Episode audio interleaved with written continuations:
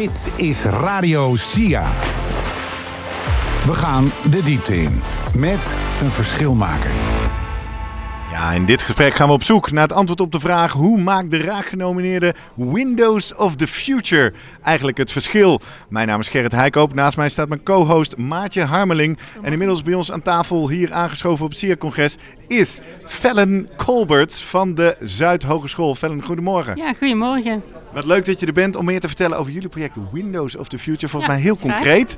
Maar voordat we daarop induiken, ben ik even op zoek naar het waarom. Dus aan welke maatschappelijke uitdaging of probleem willen jullie graag een bijdrage leveren?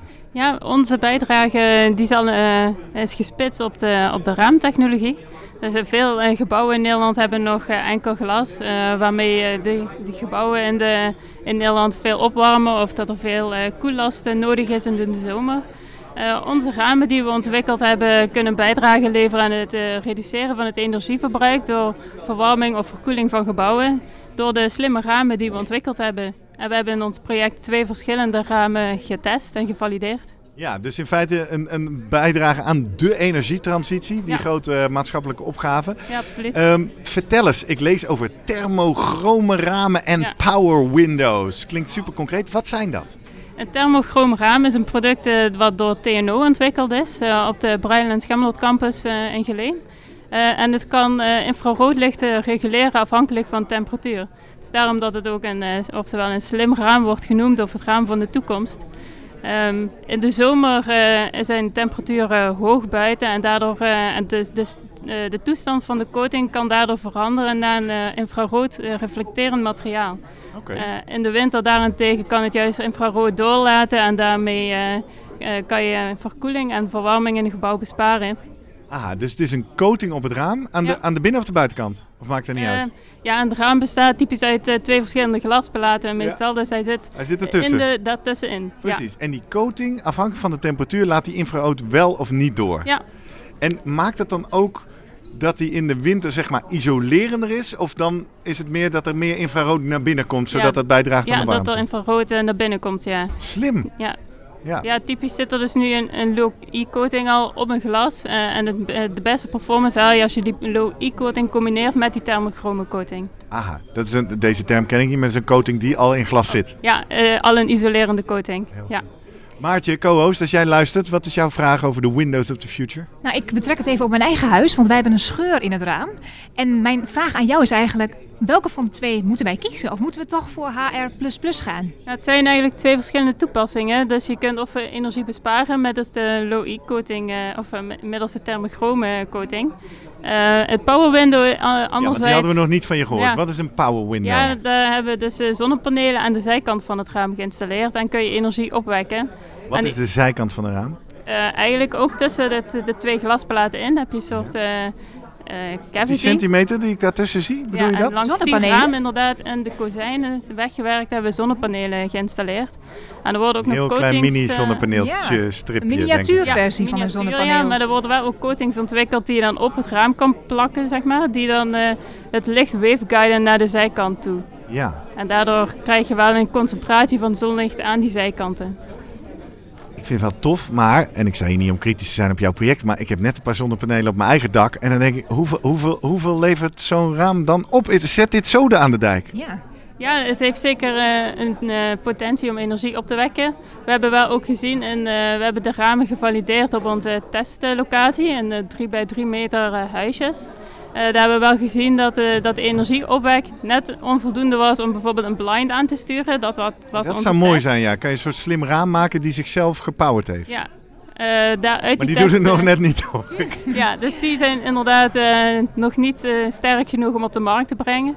Maar ook dat is een hele waardevolle conclusie uit ons eh, onderzoek. Eh, en we hebben wel eh, verbetermogelijkheden aangedragen om het raam wel geschikt te maken voor het raam van de toekomst. Hey, en eh, die coating, waar zijn we nu? Maatje heeft een scheur in de raam. Kan Ja. ze nu al zo'n slim raam kopen? Ja, eh, nog niet. Ah.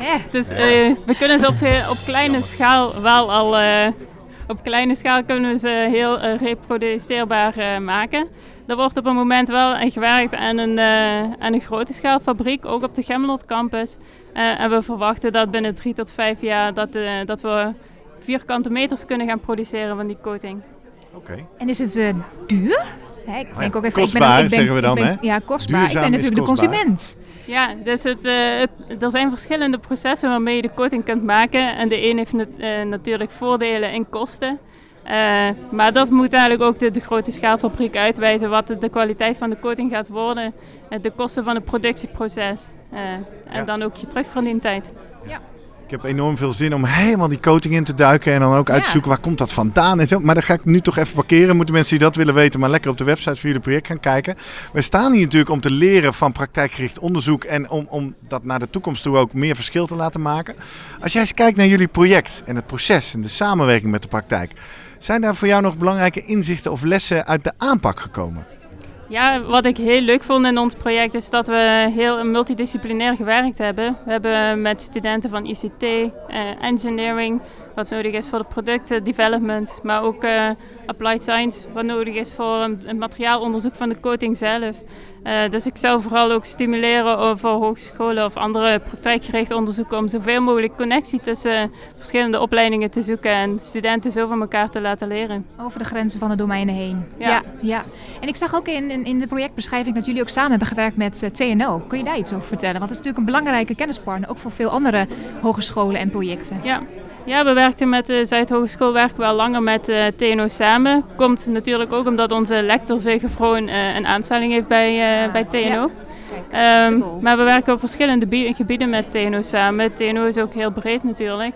Dus op het gebied van zonneceltechnologie en eh coatingtechnologie doen we heel veel samen. Ja.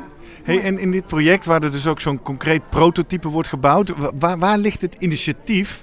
Is de praktijk naar jullie gekomen? Kan je ons helpen valideren? Was er een slimme lector of student bij jullie die dit idee had? Waar is het begonnen?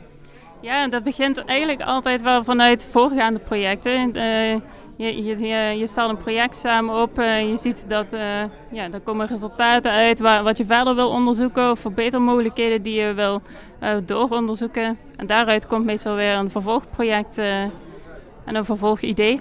Mooi. Helemaal goed.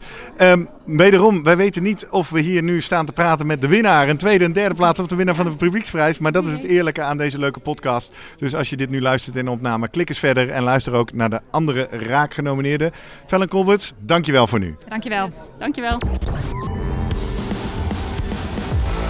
Radio SIA, radio voor verschilmakers. Live uit Leiden.